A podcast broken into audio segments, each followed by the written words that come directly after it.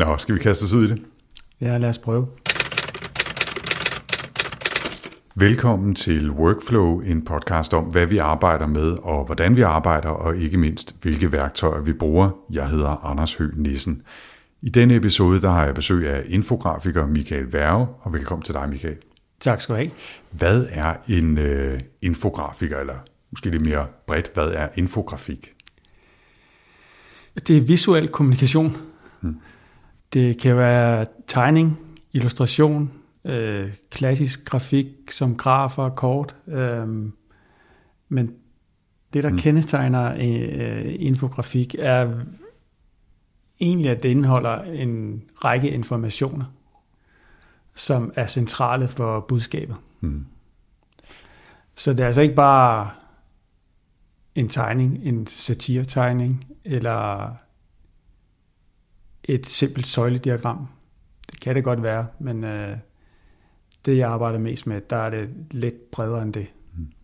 Så prøver jeg at opsummere så, ikke? Altså grafik eller illustration, som skal være med til at formidle noget i en historie eller et budskab eller øh, en, en gruppe data, for ja. eksempel. Ikke? Ja. ja. Det er jo noget, vi kommer til at, at grave meget mere ned i, hvad det er, hvordan du arbejder med det, øh, hvad der er mulighederne og udfordringerne i, i infografik, og måske også en lille smule om, hvordan det har udviklet sig i en tid med mange flere data, øh, andre typer af, af kommunikation end bare øh, fladt papir og blik. Øh, men, men det vender vi tilbage til, som sagt. Jeg skal lige sige, af praktiske årsager her, at vi sidder i hjemmestudiet denne gang, jeg har forsøgt at stable lidt øh, puder op ad væggen, og Michael og jeg har sådan en stor øh, dæmpeplade imellem os, så vi nærmest skal sidde og, og kigge lidt over som små børn. Ikke? Og, øh, og så stormer det udenfor i talende stund. Det betyder, at det vil man sikkert også kunne høre. Og så fordi det er et lejlighedsbyggeri øh, på det indre Frederiksberg, så er der en rimelig god chance for, at folk vader øh, op og ned ad trappen, eller begynder at, at lave restaurationsarbejde i betonvæggene, eller et eller andet midt i det hele. Det må man leve med. Det er prisen, man betaler for at lytte med i Workflow i den her omgang. Og, og Michael, øh, så øh, skal jeg måske også lige sige, at vi har en historie, der går uh, lidt over halvandet år tilbage. Vil du have lov til at fortælle, hvor vi mødte hinanden? Jamen, det gjorde vi jo på et startup-kursus i Journalistforbundet, hvor øh, nye, unge mennesker... Og så også. øh, skulle se, om øh, det at være selvstændig var noget for os. Og det, det var det jo så. Ja. Vi var begge to øh, helt nye, som nogen, der skulle ud og finde ud af, hvordan man øh, klarede sig, når man ikke bare havde et fast 8-4 job, øh, som jeg havde haft i knap 17 år på det tidspunkt. Ikke? Jo. Og øh, siden er det jo gået ganske udmærket. Yes. Jeg ved ikke, hvor mange detaljer vi kommer til at grave ned i omkring det, men, men altså, vi er her, og vi har råd til at smøre vores brød, og måske også købe lidt pålæg en gang med ikke? Jo. Hmm. Så det, det er egentlig gået meget godt. Jeg ved ikke, hvordan det er, det er gået de andre, godt, ja. men for os er det gået ganske udmærket. Nå, øh, infografik, Michael. Øh, prøv lige at fortælle lidt om, øh, ja, vi kan, ja, fortæl lige lidt om, hvad det er for nogle typer af opgaver, hvor du arbejder henne, for du har jo både faste og løse opgaver, kan man sige. Så lad os starte lidt med sådan at, at prøve ja. at tegne spændet af, hvad det er for nogle kunder, du har. Jeg tror, det er bedst lige at starte med at fortælle så, at øh, jeg har været på Ritzau's Bureau i over 20 år, og grundet nye arbejdsopgaver og besparelser og så videre, så sagde jeg nej tak til at fortsætte øh, det, jeg blev tilbudt. Og så lavede vi en aftale om, at øh, jeg gik ned i tid. Og så tænkte jeg, ja, men øh, så må jeg hellere prøve at blive selvstændig. Og det gjorde jeg så, mm. som du ved. Og så er jeg stadig tilknyttet Bureau i nogle timer om ugen. Det er jo den måde, jeg er vant til at arbejde på, og det er kørt ud af. Øhm, jeg kan stadig godt lide det, og det er super spændende. Men den måde, jeg så arbejder på øh, som selvstændig, det adskiller sig ved at have, der er mere tid til tingene. Øh, der, der er længere mellem deadlines. På Ritzau, der er jo der er tre deadlines om dagen. Øh, så er det et helt andet arbejdstempo. Og på Ritzau øh, er det jo mere knyttet op til nyhedshistorier, hvor er... dine andre kunder kan være magasiner eller inf- ja. Øh, informationskampagner og tusind andre På Ritzau der er det rene nyheder, og det er dagsaktuelle nyheder, ikke? som regel. Jeg vil sige 90 procent, det er laves på dagen. Hmm. Og i min egen Bix, der, der kan det være magasiner, det kan være sociale medier, alle former for, for kommunikation. Og, og ja, det, det spænder vidt, altså fra små ikoner til, til store foliebelagte container, hvor der skal være noget grafik, der giver mening for, for folket. Ja. Du har øh, taget nogle eksempler med hjemmefra, ved jeg. Du har både nogle ting med, du har arbejdet på Ritzau i dag, yes. i talende stund, og så har vi øh, kigget lidt på et magasin, du også har liggende, som du har lavet for Dansk Metal. Og øh, så har du en Instagram-profil, hvor vi også lige sad og kiggede lidt på nogle eksempler. Men bare lige for at, at, at starte et sted, kan du prøve at fortælle om, hvad det er for nogle ting, du har lavet i dag på, på Ritzau? Ja, altså jeg mødte jo ind klokken 7 i morges, og dagens første historie, den går ud øh, 8.15 det passer ikke. Det er jo ikke dagens første historie, men det jeg skal lave mm. grafik til, det er primært printhistorier. Ikke? Så det er de historier, der går i avisen, og ikke de 100 andre historier, der er gået ud på nettet til netmedier. Øhm, men 8.15, der sender jeg en grafik ud omkring øh, orkanen Willa, der er på vej i land i Mexico. Og det er jo kort, med en orkan og nogle tidsangivelser øh, til, hvornår den rammer hvor. Det var dagens første opgave. Det, det lyder altså sagt i al respekt, så er det jo ikke, det er jo ikke der, du giver kreativiteten fuld los, kan man sige. Altså det, det er noget, der skal formidle en viden på en nem og overskuelig ja. måde.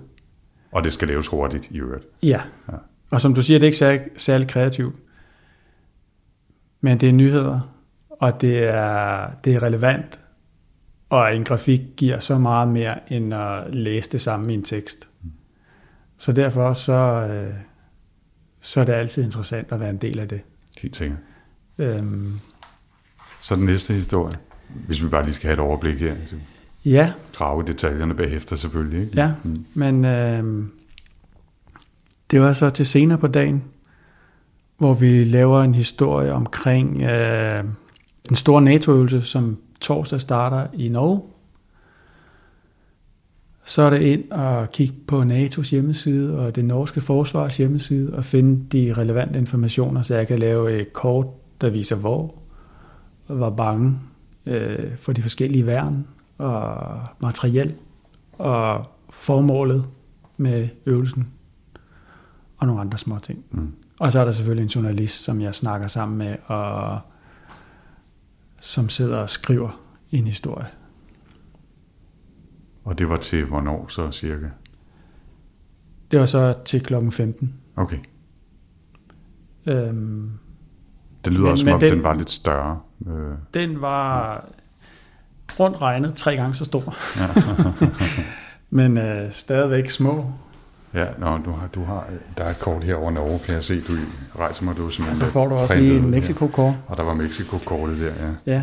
men øh, jo, og jeg havde lidt mere tid, men inden klokken 15 skulle jeg samtidig lave øh, en grafik på regeringens udspil til digitalisering. Der fik jeg så heldigvis hjælp af deres udspil, hvor de har, de har fremhævet nogle, nogle ting, som øh, altså nogle hovedpunkter og en tidsplan, som er nemme at gå til. Når, når jeg sidder og kigger på, på de her ting, så øh, ja, det er jo et fint kort med, øh, med en, øh, over orkanen Willa her i, i Mexico, ikke? som øh, tak fik jeg også lige. Det føles lidt ligesom, at man sidder i et rigtigt radiostudie, man får ret papir ind, og så pludselig så kan man læse noget op, som man ikke ved noget om. Ikke? Men der er kort over øh, orkanen Willa her, øh, som, som går i land i Mexico. Man kan se ruten ind over med forventede tidsangivelser, ikke? og øh, militærøvelsen, øh, NATO-øvelsen her i Norge med et fint kort, og så øh, angivet personel og materiel, hvor mange øh, maskiner og, og fartøjer og hvor mange mennesker er involveret, og så en lille smule øh, baggrund om den her øvelse, der i øvrigt hedder Trident Juncture 2018, kan jeg fortælle, fordi det står på kortet her. Ikke? Øhm, men det var ret spændende, det du så siger med digitaliseringsindsatsen øh, fra regeringen og det udspil, fordi det er jo ikke nødvendigvis noget, som på samme måde påkalder sig nogle naturlige billeder på min nethinde, altså NATO-øvelse. Fint, kort, materiel, mennesker, øh, hvor er det henne og så videre. Orkan, ja, vi kender jo klassisk vejrudsigt øh, format. Ikke? Ja. Digitalisering, det må være sådan en lidt større udfordring. Og jeg kan fortælle den måde, øh, du har løst den på, Michael, her, bare lige, øh, fordi lytterne jo ikke kan se, hvad, hvad jeg sidder med her. Det er sådan en forholdsvis teksttung lille blog, som handler om nogle, nogle data om øh, person- og kontaktoplysninger og beskæftigelse i noget, der hedder Mit Overblik. Men ellers så har du valgt at lægge nogle ikoner ind på et øh, lille grafik af en computerskærm, som så handler om, hvad det her overblik kan give af digitale data, som borgere har liggende. Øh, og det er jo, ja, det, altså man skal lige sådan tænke et skridt videre for at finde ud af, hvordan man illustrerer det, tænker jeg. Ja. Mm. Øhm, men det er jo heldigvis det, jeg kan. Det er jo lige præcis det, du kan, ja. ja. Øh, så sige lige i det her tilfælde, øh, der er jeg godt hjulpet af selve udspillet. Havde jeg haft mere tid, havde jeg nok løst det på en anden måde. Men sådan er vilkårene. Mm. Øh, og det er også derfor, jeg holder så meget af at lave min egen ting. Fordi der har jeg tiden til det, og jeg har tiden til at tænke over det. Jeg har tiden til at lægge det fra og gå tilbage til det.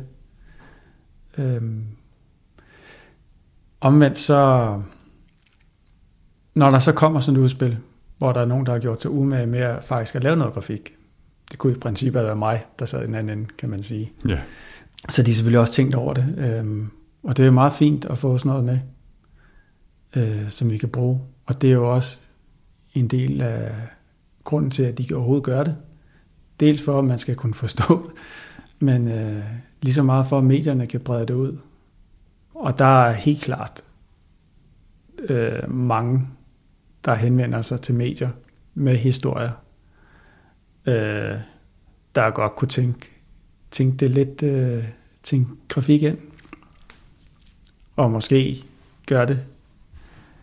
Øh, skal jeg passe på, hvad jeg siger, men øh, jeg synes, der er alt for mange, som prøver, og hvor det bare ikke er godt nok. Øh, og, og altså, jeg sidder i den anden ende og skal kan i princippet tage det og bringe det videre. Men ofte er det ikke godt nok, og så enten laver vi det selv, eller også er der, laver vi det slet ikke. Mm. Og det, man kan sige, det er jo det samme med historier. Der kommer rigtig meget ind til Rigsavs Bureau, og vi er nødt til at prioritere. Vi, øh, lad os lige prøve at grave en lille smule mere ned i, i det øh, workflow, som, som I har, eller du har med, med dine kolleger inde på, på Ritzau, når du er der, og så kan vi tage dine egne opgaver, ja, hvor du har ja. lidt mere tid og kan arbejde på en anden måde bagefter. Men i hvor høj grad er du i en del af øh, planlægningen af historierne og, og researchen? Hvordan er dialogen med de journalister, der arbejder på det? er det noget med, at de kommer og giver dig en, en, en, en bunke med et eller andet, og så siger, få det til at virke, lave noget grafik, der er smart og illustrativt, og forklare alt det her, som vi ikke selv kan forklare, øh, eller er du en del af, af holdet på en eller anden måde? Planlægning, der er jeg nok ikke så meget med. Men det er også fordi, jeg ikke er derinde så meget. Øh, tidligere, der var altid en grafiker med til planmøder. Det er der heldigvis gode folk, der tager sig af nu og kommer med nogle idéer. Og når jeg eller en anden freelancer møder ind, så snakker vi med surhavene øh, og får at vide dagens program, og eller kigger i vores kalender og ser, hvad der er på vej. Og så tænker vi nogle kloge, illustrative tanker, og så tager vi fat i den pågældende journalist og aftaler, om det er noget, vi skal lave, eller noget, vi ikke skal lave. Har de nogle input, eller skal vi selv finde noget? Øhm, og vi er en stor del af researchen selv, fordi journalister, de er også presset tidsmæssigt. det, det tror jeg gerne. Så, så, så tit så laver, altså når, når du har fået en idé til, hvordan laver du noget grafik til for eksempel den her NATO-historie. Så siger du, det jeg har tænkt mig at gøre, det er at lave et øh, kort, og ja. lægge nogle, øh, nogle byer ind, og, og måske nogle grafikker af noget materiale og noget personel osv. Ja. Og så siger journalisten, det lyder fint, det gør du bare, og så går du i gang med at samle data, så du kan lægge de korrekte antal ind og finde de rigtige byer, som er en del af øvelsen osv. osv. Præcis. Ja. Det er helt ordret, hvad der foregik i dag. jeg skulle nærmest tro, jeg har været der. ja. ja. Altså, vi starter med Mexico igen, ikke? orkanen. Mm-hmm. Det tager 30 sekunder at aftale, hvad der skal ske, og det tager 60 sekunder at finde informationerne, og så tager det så lidt længere tid at lave det. Mm. Øhm, og så er det det. NATO, der, det, tager, det tager lige fem gange længere tid at snakke det igennem, øh, og vi ved ikke rigtigt, hvad har vi, øh, hvad kan vi finde. Øh, journalisten havde selvfølgelig nogle enkelte oplysninger fra, fra det norske forsvar, men så er det bare i krig med researchen, og så, som du siger, så foregik det sådan. Ja. Hvor, er der så noget dialog, hvor du så laver en, altså en, en grafik, og så går du tilbage til journalisten og siger, her er den, eller er, er det nogle gange sådan, at der så noget feedback, som du så tager kan bruge, fordi historien har ændret sig, eller det detaljer, han, gerne, han hun gerne vil have, skal være i grafikken også, eller hvad? Ja, jamen, det er, det er på alle måder. Aha. Det er selvfølgelig så, nogle gange så er det bare lige få den kigget igennem, og så er det det.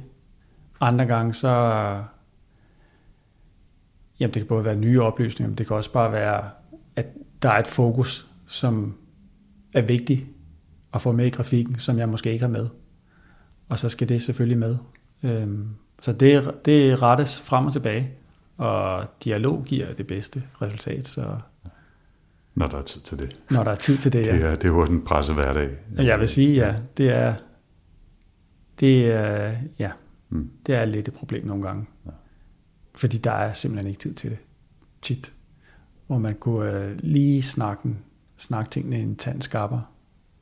Det, øh, det kender jeg godt fra min, øh, fra min egen fortid. Og det, det er ikke rigtig blevet bedre i, i en tid, hvor journalistik er presset alle hvide vegne, og der er ikke nogen, der vil betale for noget, og så øh, er der færre til at lave det, og så har man mere, mindre tid til at lave mere i virkeligheden. Ikke?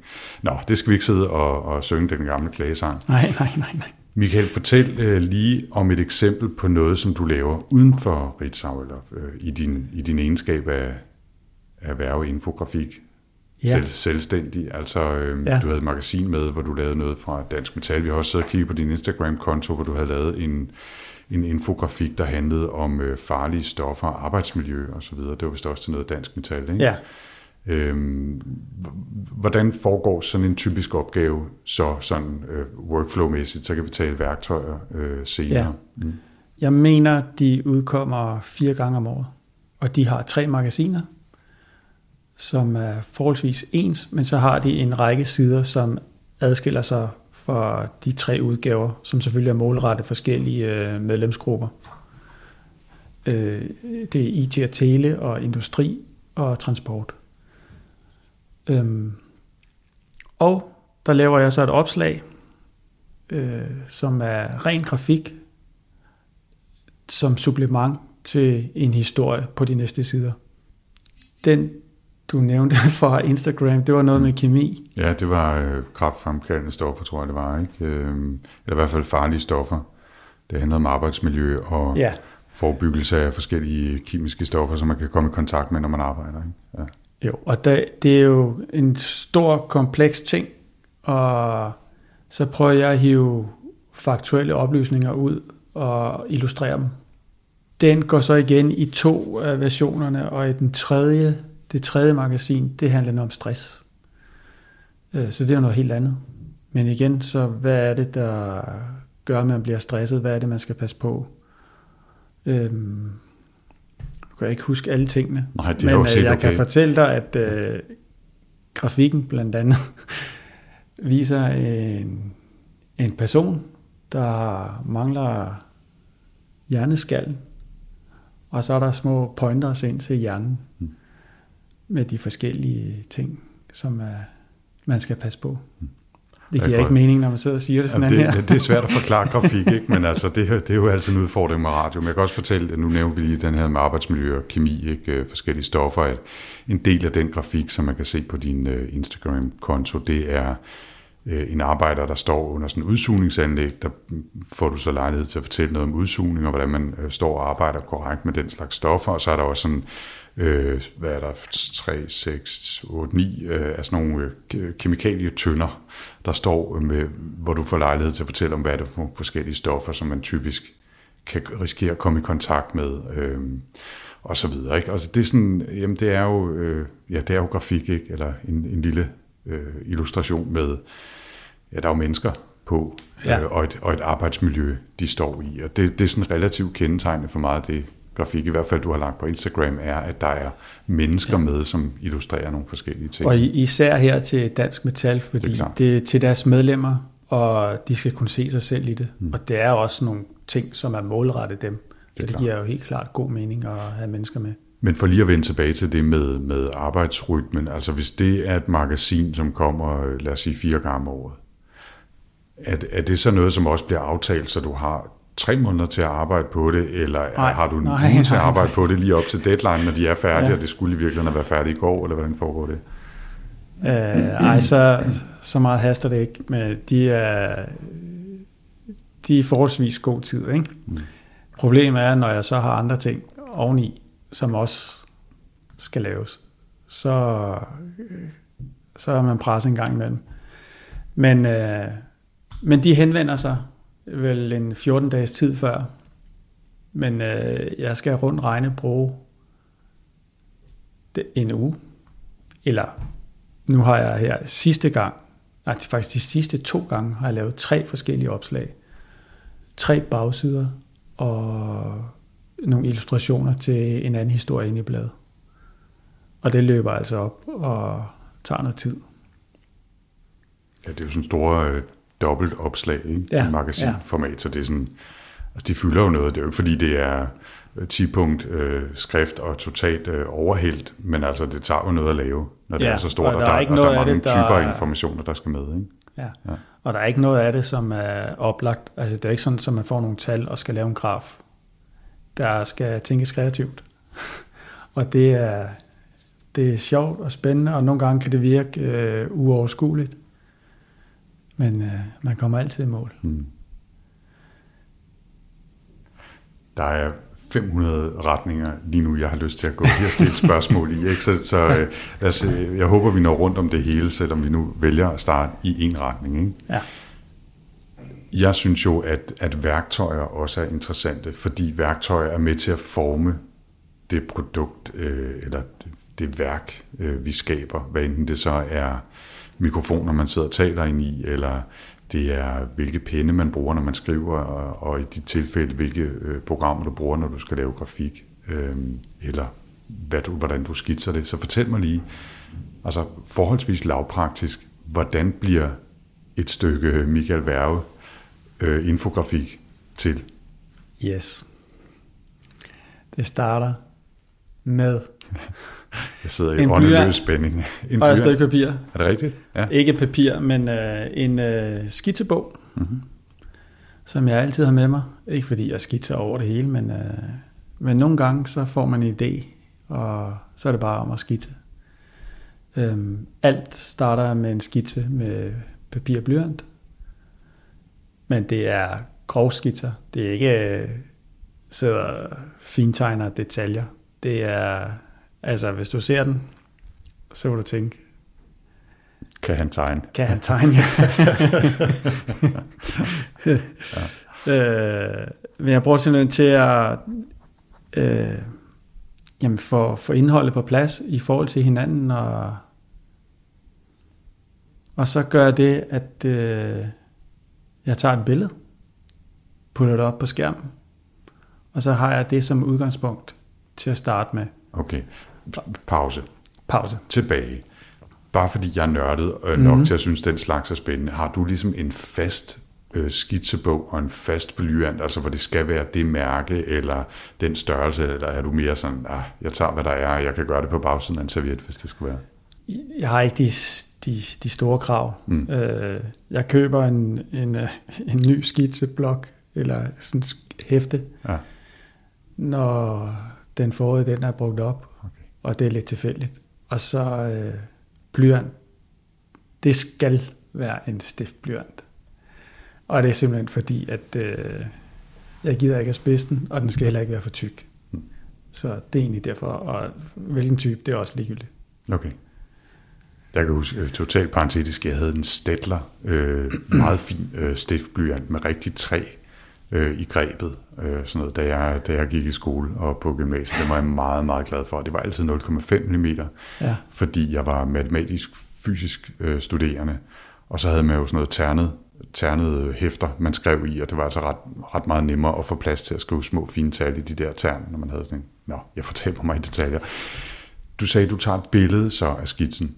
Gør du bare det med din mobil, eller scanner du, eller hvad gør du? Nej, jeg er mobil. Alright, og så og så bare, airdrop til skærmen, og Yes. og hvad så? jamen, så starter jeg egentlig bare med at tegne i Illustrator. Øh, Og det gør jeg med tegneplade. Øh, Det er vel så en Wacom, ja, ja, som er sådan en, ja, lige præcis, en, en plade, der er koblet til computeren med en, en Ja. stylus, man kan tegne med. præcis. Og så Adobe Illustrator. Ja. Så der er ikke nogen øh, fancy-pansy øh, hvad hedder det, funktioner på tegnepladen, eller pennen, eller noget som helst. Det er ren øh, klik, klik, klik, klik, klik. Ja. Så du tegner ligesom, altså du bruger skitsen som, Jeg som tegner egentlig baggrund, som, så tegner du Ja. den rigtigt op. og jeg tegner som vil, hvis jeg havde brugt en mus. Altså ved at klikke fra punkt til punkt. Ikke, Okay. ikke noget med frihånds... Sig lige lidt mere om det, fordi jeg har aldrig prøvet at bruge Adobe Illustrator, og det kan jo være, at der er mange andre derude, der ikke har det. Så altså, forskellen er, at du sidder og markerer nogle punkter øh, på tegningen. Nej, man kan, sagtens, man kan godt tegne i frihånd, Mm. øh, og man kan bruge en masse, øh, hvad hedder sådan noget, brushes. Mm. Men jeg, ja, det gør jeg bare ikke. Og også den måde, jeg skal bruge det på, der dur det ikke at have sådan nogle øh, kreative penselstrøg og sådan noget. Og frihånds, hvis du tegner frihånd, så synes jeg, det bliver upræcist. Der skal man bruge nogle andre programmer, formentlig. Så altså, hvis du skal lave en cirkel, så får du programmet til at lave en cirkel, eller en bue, eller en lige linje, Ja. i stedet for at sidde og tegne den Yes. i frihånd. Så siger. laver jeg en prik og trækker en streg, så Ja, at sige, ja. hvor jeg så kan finjustere mm. buen. Øh, og det kan man også, man kan også gøre prik, prik, og så tage et andet værktøj og lave en præcis bue imellem de to prikker. Øh, men det gør jeg nu ikke så tit. Det, det, det er, hvis man skal have en, øh, en stil, der er mere ren og mere symmetrisk, så kan man gøre det på den måde. Ja. Men du har sådan en, altså, jeg ved ikke, hvordan man skal forklare din stil. Man må gå ind på din, på din Instagram-konto, i virkeligheden er det nemmeste sted, hvis man vil gå ind og, og se lidt med her, mens man lytter og få en fornemmelse af, hvad, hvad det er for nogle grafikker, du laver.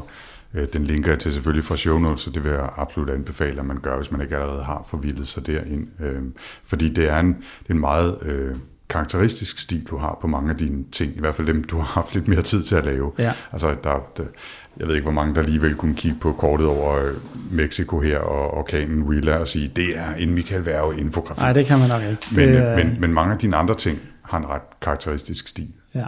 Og der, der er det vel også noget med så at gøre tingene på nogenlunde den samme måde hver gang, ja. når man gerne vil ramme den stil. Yes, mm. det er det. Og, og Illustrator.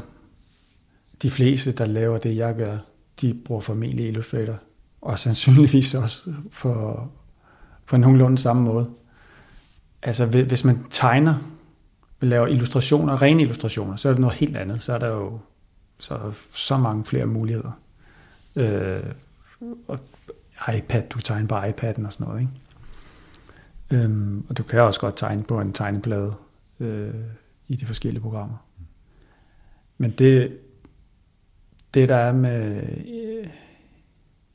infografik, det skal være, altså det skal være skarpt og præcist, ren i farven, og der skal tekst henover. Øhm, skal være let at afkode. Er det for kreativt og med penselstrøg og frihåndsskrift, og man kan faktisk lave nogle ret fede ting. Men øh, ja, det dur ikke. Det svarer lidt til i øh, de gode gamle dage, hvor vi havde måske lidt mere tid til at lave radio på, på harddisken, hvor jeg jo var øh, før i tiden, der kunne vi jo godt en gang mellem, øh, lade os rive med, og så brugte vi alt muligt musik og øh, underlige effektlyde og ting, vi havde optaget ude i virkeligheden. Ikke? Og Altså, vi synes jo selv, det var evigt fedt og fantastisk og kreativt, og det er jo nærmest radioteater, ikke? Og der var uværligt nogen, der ringede eller skrev ind og sagde, kan I ikke lade være med at bruge alt det der, for vi kan ikke høre, hvad folk siger, vi kan ikke forstå historien, ikke? Ja. Nå, okay. Nå, men så er det godt være, at vi skulle prøve at, at gøre noget ja. andet, ikke? Og det er lidt den der udfordring, du også skal sidde i. Ja, men du kunne lave noget, der så stort og fantastisk og ja. kreativt ud, men det er ikke sikkert, at det opfyldte sit formål så. Jeg vil sige, i infografik, der er det vigtigste, det er budskabet. Altså, det må aldrig gå tabt. Øhm, men selvfølgelig kan man være kreativ, og det skal være flot og så videre, men øh, så længe man har fokus på budskabet. Ja. Det, lad, os, lad os lige... Øh, nej, lad os vende tilbage til den, fordi det kan man også grave noget mere i, øh, hvordan man så går til det og, og, og formidle budskabet i infografisk form på den, på den bedste måde, eller hvordan du gør i hvert fald, men du har lavet så grafikken i Illustrator. Du sidder og tegner på din Wacom tablet med sådan en stylus, ja. øh, digitaliseringspen. Og så er det vel også der, den bliver færdig og bliver farvelagt, og der bliver lagt tekst ind så, eller hvad? Ja. ja.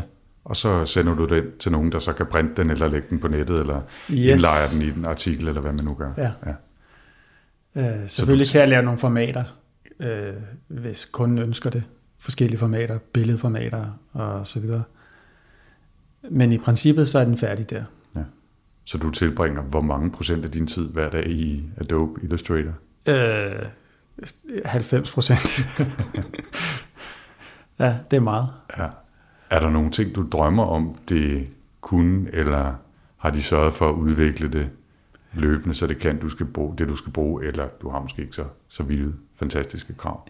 Nej, det, det kommer langsomt, fordi det, det har været det, når, da jeg var inde på Ritzau fast, der var vi meget låst af at øh, have, jeg ved ikke hvor mange, 30 forskellige kunder, som, øh, som skulle kunne modtage uden problemer, det vi lavede. Ikke? Og det har altid været sådan, hver gang vi begyndte at lege med forskellige filtre eller skygger og sådan noget, så, så gik det i gæld i den anden ende hos nogen. Og hvis det bare er et sted, det går galt, så, så har vi ikke de muligheder. Alle skal kunne bruge det. Det blev nemmere i dag, men det har så bare gjort, at man har været sådan lidt tilbageholdende med alle de der funktioner, som egentlig ligger i programmet. Mm. Jeg bruger det mere og mere øh, selv, øh, men små skridt. Mm-hmm. En, en ting, som vi så lige kan, kan bygge ovenpå i forhold til den snak, er, at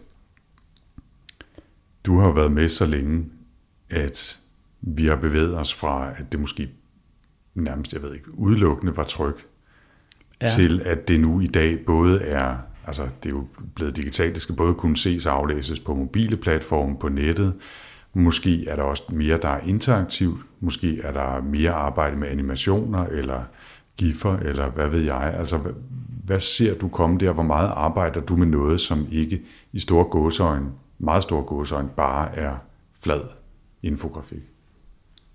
Jeg gør det ikke selv så meget. Øh, men jeg vil gerne. Altså, det at kunne få ting til at bevæge sig, det er jo, det er altså skægt. øhm, og det gjorde vi rigtig meget i, jamen, for 10-12 år siden. Okay. Der startede på det. Men øh, fidusen er, at øh, skal du bruge tid på det, så skal man også hive nogle penge hjem. Øh, og det gik ikke så godt med det. Øh, og vi har prøvet nogle gange inde på Ritzau at øh, lave animationer, bevægelig grafik osv. Og nu er det sådan, at øh, nu er der simpelthen ikke tid til det. Og der er så heller ikke vist sig at være øh, stor efterspørgsel på det, kan man sige. Folk vil gerne have det, de vil nok bare ikke betale så meget for det. Øh, det tager noget ekstra tid. Men jeg har da intentioner om at drive det videre i min egen butik, øh, for jeg synes, det er hyldende skægt, altså. Mm. er ikke sådan, at jeg sidder og skriger grin, men, men, men jeg synes, på, det er sjovt. siger, det, er både, der det ikke- er både sjovt og udfordrende. Der er ikke nogen, der vil betale dig for det, hvis de hører, at du har det sjovt, mens du laver det også. Det er jo det er faren. Okay, men det, det, er jo, det er jo meget sjovt i virkeligheden, ikke? Altså, jeg ved heller ikke, hvor meget jeg sådan egentlig lægger mærke til, at der er noget af den stil derude, men, men det er jo meget sjovt, at mulighederne er der i hvert fald Ja, for der- at gøre det. Ikke? Ja. Danmarks Radio især er begyndt, øh, de, de har måske været i gang i nogle år efterhånden, ikke? men øh, det er som om, der kommer mere og mere. Øhm, og de store udenlandske medier har altid haft meget. Altså de rigtig store. New York Times og øh, den kaliber der. Mhm. Ikke? El Mundo for Spanien, som har hele Sydamerika som, som afsætning, og hvor de bare kan måle, at øh, dem, der ikke læser så godt, de, de klikker altså på noget grafik. Det får mig lige til at falde ned i endnu en uh, tangent her. Ikke? Uh, vil du have mere kaffe? Så, uh, jeg sætter den lige her. Så. Ja, tak. Så, så kan du selv hælde op, mens jeg spørger. Øhm, tangent nummer 500. Øh, Hvem er du inspireret af? Altså, er det, øh, er det andre medier, aviser, som dem du nævner her, de store aviser, eller er der sådan nogle øh, sager, øh, sekteriske nischer, øh, som du øh, kigger i retning af for inspiration, som ingen uden for miljøet nogensinde har hørt om? Eller? Ja, nej. Der, jeg kan ikke lige pege på nogen. Mm. Altså, selvfølgelig er jeg inspireret af, af de rigtig store medier, som laver nogle fede ting, men, øh, men ikke, ikke, ikke meget. Nej. Du er også så gammel i gamet, Michael. Du, ja. Ja. du har ligesom din egen ja. Stil og din egen måde at gøre på, og så er det dig, der inspirerer en masse unge opkomling derude. Det kunne man håbe, men øh, Ah, det, det, det tror jeg nu også, der er. Men det vil sige, at- at i virkeligheden så papir og blyant til skitse, Adobe Illustrator og Wacom, ja. og det, det er i virkeligheden det. Så, Ja. så kører Jeg det. bruger også nogle af de andre programmer, men øh, som Photoshop og InDesign, og, men det, det er egentlig mest, når opgaven kræver det. Ja, Men det, det bliver også ofte og oftere. okay. Hvor, hvorfor? Det er lidt at gøre med, at øh, mine opgaver egentlig spreder sig lidt ud fra kun at være infografik til også at være nogle andre ting. Og hvis det er en folder, øh, så er InDesign nogle gange bedre. Og så skal der måske også nogle fotos i. Så på den måde. Mm. Plus at øh, en gang imellem, så sidder jeg også og, og, og leger lidt med Photoshop på en kreativ måde. Altså tilføre øh, illustrationer et ekstra lag. Øhm, og det kan også godt øh, rave ind over en infografik. Men det er det små indtil Ja. videre. Men det er jo det, når man får en idé, og det lykkes, og så inspirerer man sig selv. Michael, vi, vi har allerede været en lille smule inde på, hvad det er, en infografik kan, og hvornår det er, den, den fungerer. Eller i hvert fald øh, har du fortalt blandt andet, at det vigtigste er, at den formidler budskabet, og den er overskuelig og, og nem at aflæse. Ikke? Men altså, hvordan... Prøv, prøv at sige lidt mere om det. Altså, hvad, hvad er det, en infografik skal kunne? Hvad er det typisk for nogle ting, der indgår som elementer i en, i en infografik? Ja, øhm, det varierer jo sådan set rigtig meget, kan man sige. Men, øh, men hvis man skal sige noget, så synes jeg, at det er... Øh, hvad fanden, hvordan skal jeg forklare det? Mm. Altså, det handler om at, at inkorporere nogle informationer, som er virkelig svære at forklare i tekst, eller hvor det bare bliver for langhåret. Øhm, hvor man kan gøre det på en enkel måde i en infografik i stedet for. Altså det er oplagt at vise det, i stedet for at skal fortælle det. Er det, er det typisk noget med tal eller data? Ja, men som, det, det kan det jo sagtens være. Mm. Og det kan, øhm, og det kan også, det kan, det kan også være en sammenkogt ret af, af mange forskellige ting. Mm. Øhm, men hvis vi nu tager NATO-grafikken, der kunne man godt have lavet, man kunne godt have lavet den større, og inkorporeret nogle faktuelle, eller nogle, nogle flere tal på omkring, øh, hvor kommer alle de der soldater fra? Hvor mange er der fra USA? Hvor mange er der fra Norge? Og så videre. Og så har jeg ladet det indgå som en graf. Øh, man kunne også have inddraget et hangarskib. Mm. øhm, tja. Der, der er sådan lidt en, nu prøver jeg lige så at tage det, den her fra, fra Norge, NATO-øvelsen. Men det er det, jeg synes er lidt sjovt, at det er den her balance mellem jamen, den grafiske kommunikation, og så taler tekst, som jo også er en del af det. Man skal jo kunne afkode, hvad det er. Det nytter ikke noget, der bare står 8 midt på, og så, så ved man ikke, hvad det er. Øh, og det er heller ikke sikkert, at det er særlig smart at, lave otte grafikker af noget, og så skal man sidde og tælle, er der nu 8? Altså, det er jo den der fine øh, sammenhæng, der skal være mellem tilstrækkelig tekst og kontekst, og så de grafiske elementer i ja. det, ikke? Jo.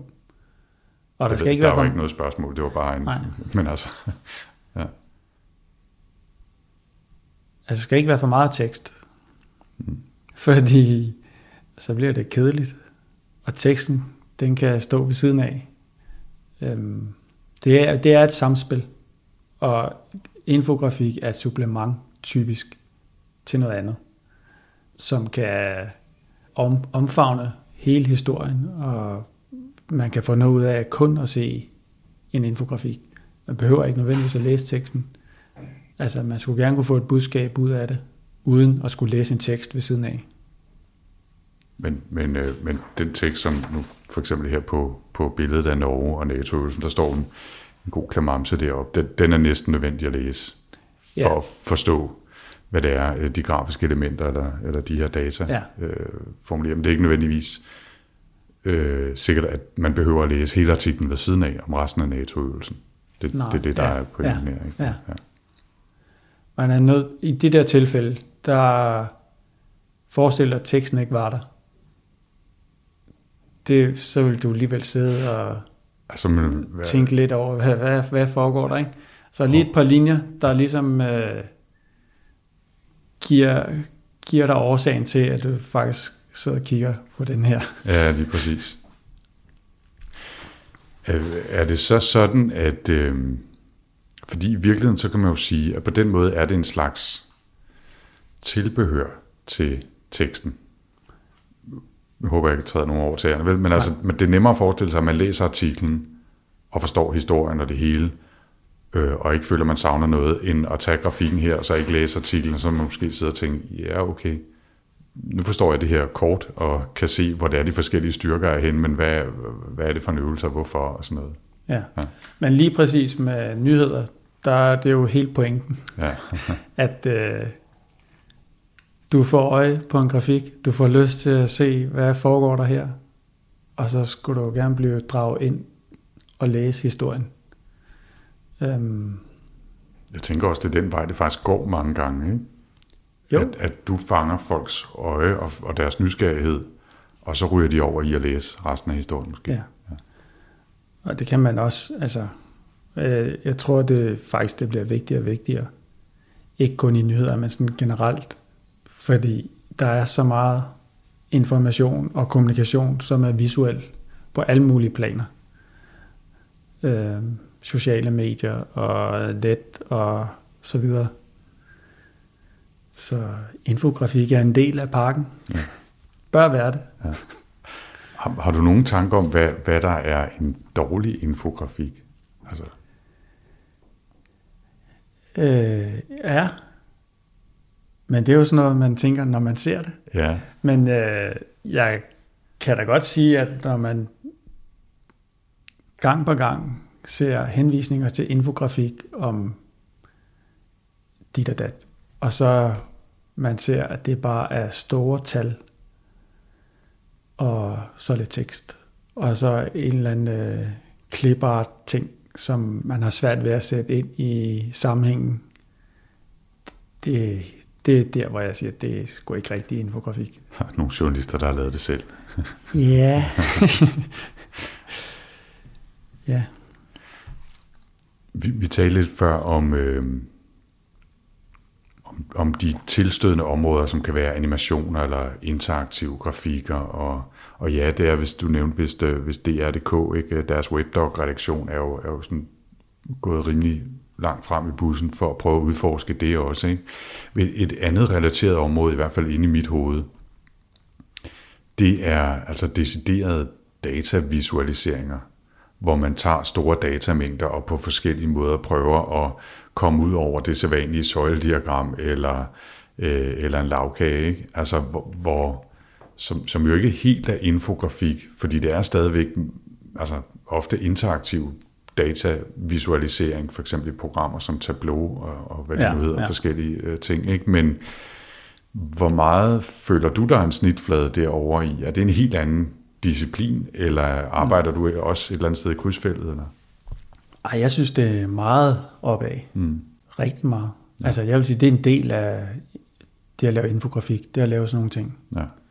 Selvfølgelig i forhold til det, jeg sidder og siger med illustrationer og altså, man, så man kan godt kombinere det, selvfølgelig kan man det, men udenbart, så er det selvfølgelig to forskellige ting. Men det er sådan en stor berøringsflade, at jeg godt vil sige, at det, det er en form for infografik. Ja. Og, og i den forbindelse, kan du mærke, at der er kommet mere fokus på data, og at der er kommet flere data overhovedet i, i dit arbejde, altså igennem årene? Nej, ikke rigtigt. Øhm, men det er også fordi, at øh, hvis du kigger på sådan nogle store datavisualiseringer, så er det typisk netbaseret øh, og interaktiv, som du siger. Og det er der, hvor vi på Ritav ikke er nået hen. Øhm, omvendt så vil jeg så også sige, at øh, det kan også tage overhånd. Altså, det kan simpelthen blive for komplekst, og, og nogle gange virker det som om, at man laver det bare fordi man kan. Øh, og budskabet går tabt, eller meningen går tabt. Altså, hvad skal det gå godt for? Mm. Øh, jeg har set super fede ting, hvor det visuelt er top lækkert, men hvor meningen den er, altså hvorfor? Der er en grænse der, man skal passe på. En sidste ting, hvis vi sådan snakker den store øh, overordnede tilgang til, til feltet infografi, der er jeg faldt lige over øh, en, øh, ja nu jeg har som den dårlige journalist fuldstændig glemt, hvad kilden var, så lad os bare sige, at jeg har fundet det ude på det store internet, skal jeg nok på at grave det op bagefter, ikke? men altså øh, pointen var, at der var ligesom tre ting, der var vigtige for en god infografik. Øh, fokuseret datavisning, altså hvad er det for nogle data, der skal vises, øh, hvad, er, hvad er budskabet, kan man sige, ikke? og at det er et, et rent og klart design, som er nemt at aflæse og afkode, så man ikke skal bruge en hel masse tid på at regne ud, øh, hvad betyder de der prikker, hvad betyder de der kors osv. Og det tredje var, at der skal være en, en delbarhed i det. Vi talte en lille smule før om det der med, at man nogle gange kunne hive folk ind igennem og vise en fed grafik, og hov, så synes de faktisk, at en artikel var spændende at læse.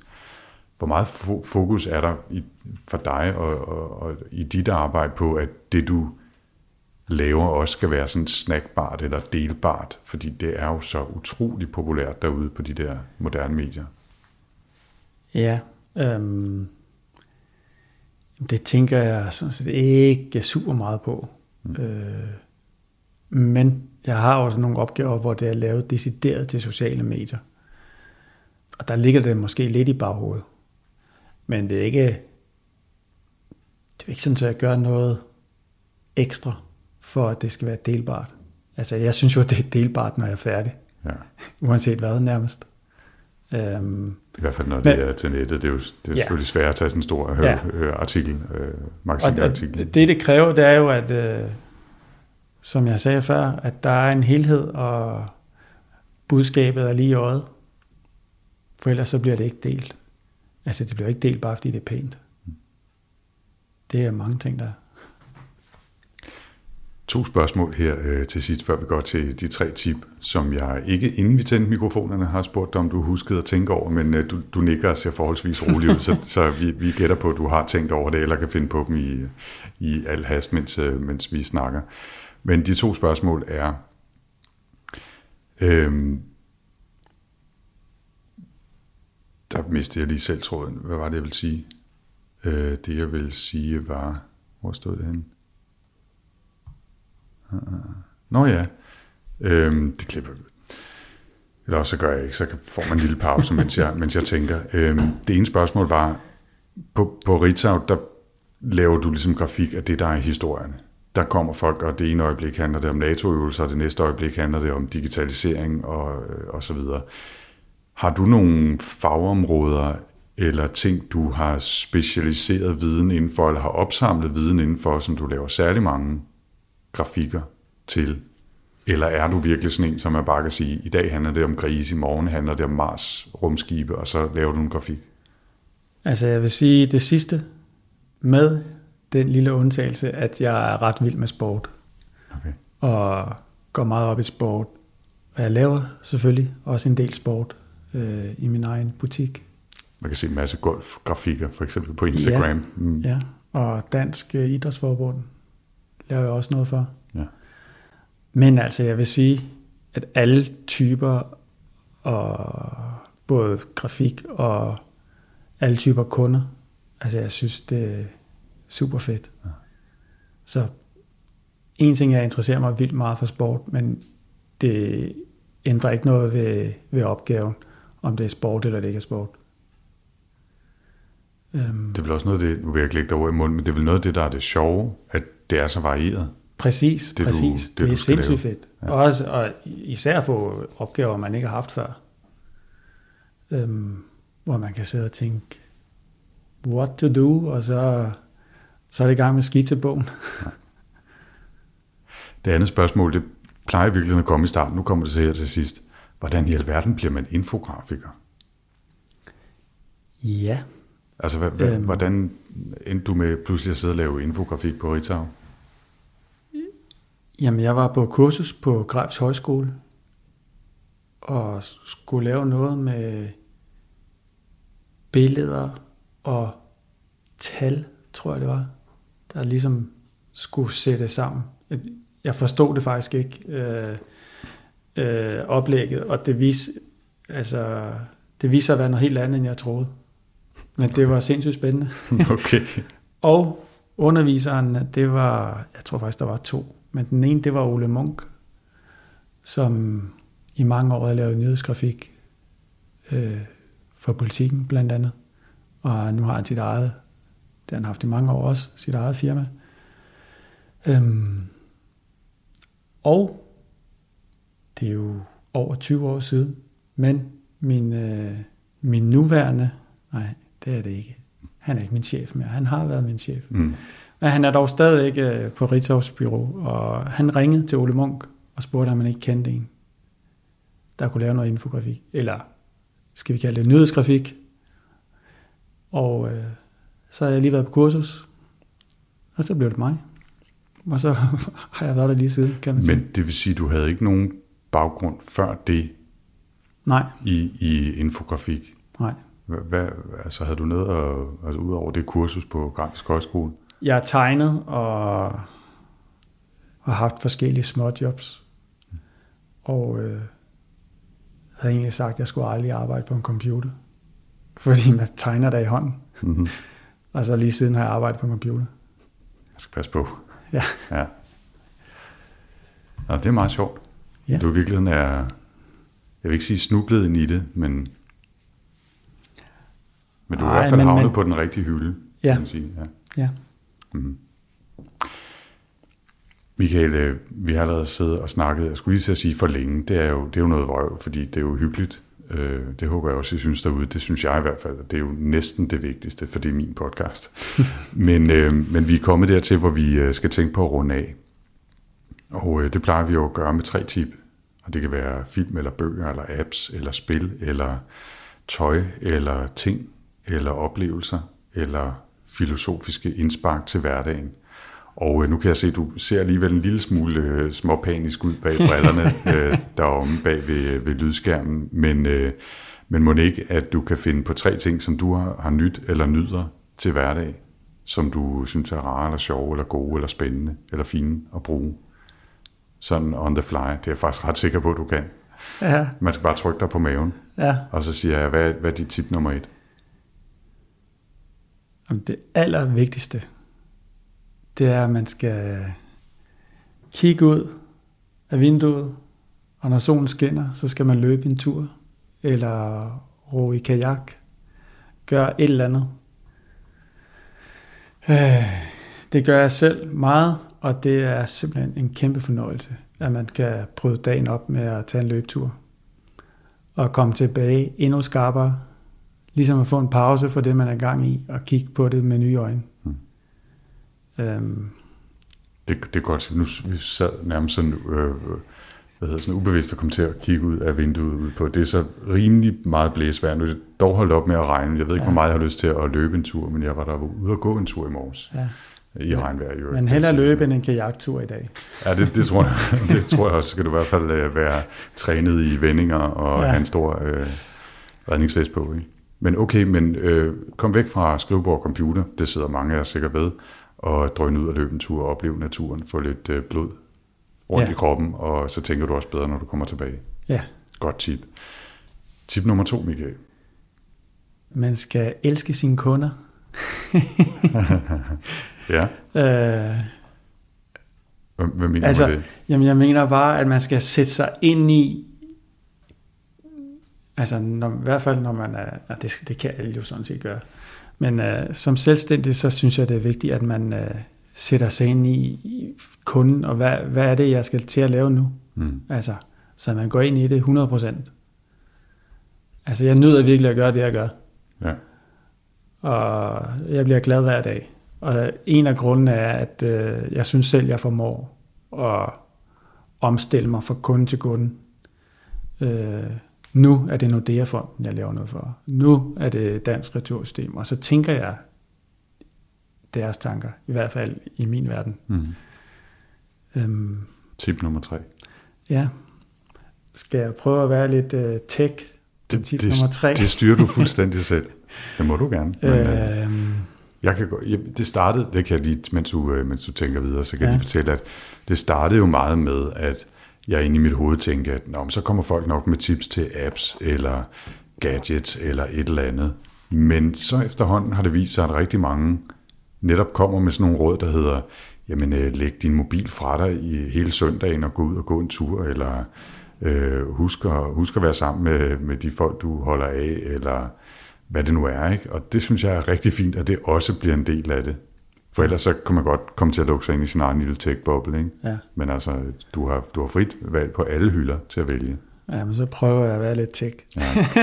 Prøv. Men øh, altså, som jeg har sagt, så er jeg jo skitseblok og blyant, og så lige en computer, ikke? Og så er det nærmest det. Men jeg har lige opdaget noget nyt. Adobe Capture, en app, som øh, Ja. Øhm, den kan bruges til at hive farveskala ud af et billede, eller lave mønstre ud af hvad som helst. Og du bruger simpelthen kameraet på telefonen.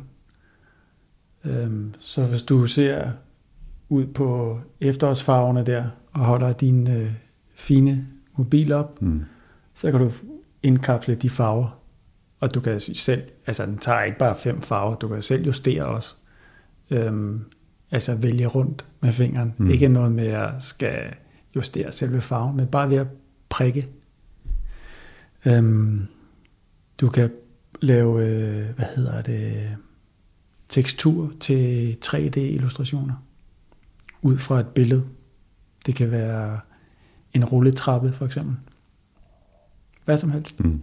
Jeg synes, det er skide genialt. Ja, det er da også rigtig smart. Øh, Så man kan hive virkeligheden ind, hvis man har set den rigtig fed. Nu kigger jeg over på sofaen her, ikke? Men altså, hvis man har set lige det betræk i den nuance, så kan man hive det ind og bruge det som en del af sin ja. illustration, eller hvad det nu er, Øhm, man arbejder med. Til Dansk Metal, der, når jeg laver de der opslag, så farverne, de spiller sammen med de billeder, der bliver brugt i artiklen, som kommer på de næste sider. Så der har jeg faktisk de sidste gange brugt uh, Capture til at tage farverne ud. Og det fungerer super, og det er nemt. Og så laver den en Illustrator-fil med alle farverne. Perfekt. Yes. Godt, så fik du øh, Udover alt det der øh, hippie, hippieagtige med at løbe en tur og gå i natur. ja, ja, papir og løbetur, ikke? Ja, så, så, fik, så fik vi også noget til. Det var godt. Øhm, Michael Værge, med det så, så tror jeg, vi slutter for i dag. Tusind tak, fordi du kom på besøg her i studiet, hvor det blæste udenfor, og øh, mine naboer var venlige nok til ikke at gå i gang med murarbejde eller betonbord lige midt i det hele. Det, det er vi dem evigt taknemmelige for. Hvor vil du sende folk hen, hvis de gerne vil vide mere om dig? Web, Instagram, Twitter, Facebook. Hvor øh, finder man nemmest dig, hvis man gerne vil kontakte med dig eller se, hvad du har lavet? Det gør man øh, på min hjemmeside. Ikke fordi, at der er noget på selve hjemmesiden, men der er link til Instagram-profil og LinkedIn-profil. Ja. Og din hjemmeside er Værge Infografik, og det er altså W-E-R-G-I infografik.dk. Yes. Vi linker selvfølgelig også fra show notes, men altså, så kan man finde dig der. Jeg hedder Anders Høgh Nissen, som sagt, og jeg kan findes på potlab.dk på det store internet, eller på Twitter som potlab.dk ud i et. Og hvis man vil øh, følge med i, hvad jeg laver sådan lidt mere øh, personligt på Twitter, så hedder jeg Anders Stavet 4ND3RS. Og tilbage er der bare at sige på genhør, Michael, tak fordi du kom, og øh, til jer derude, tak for den gang.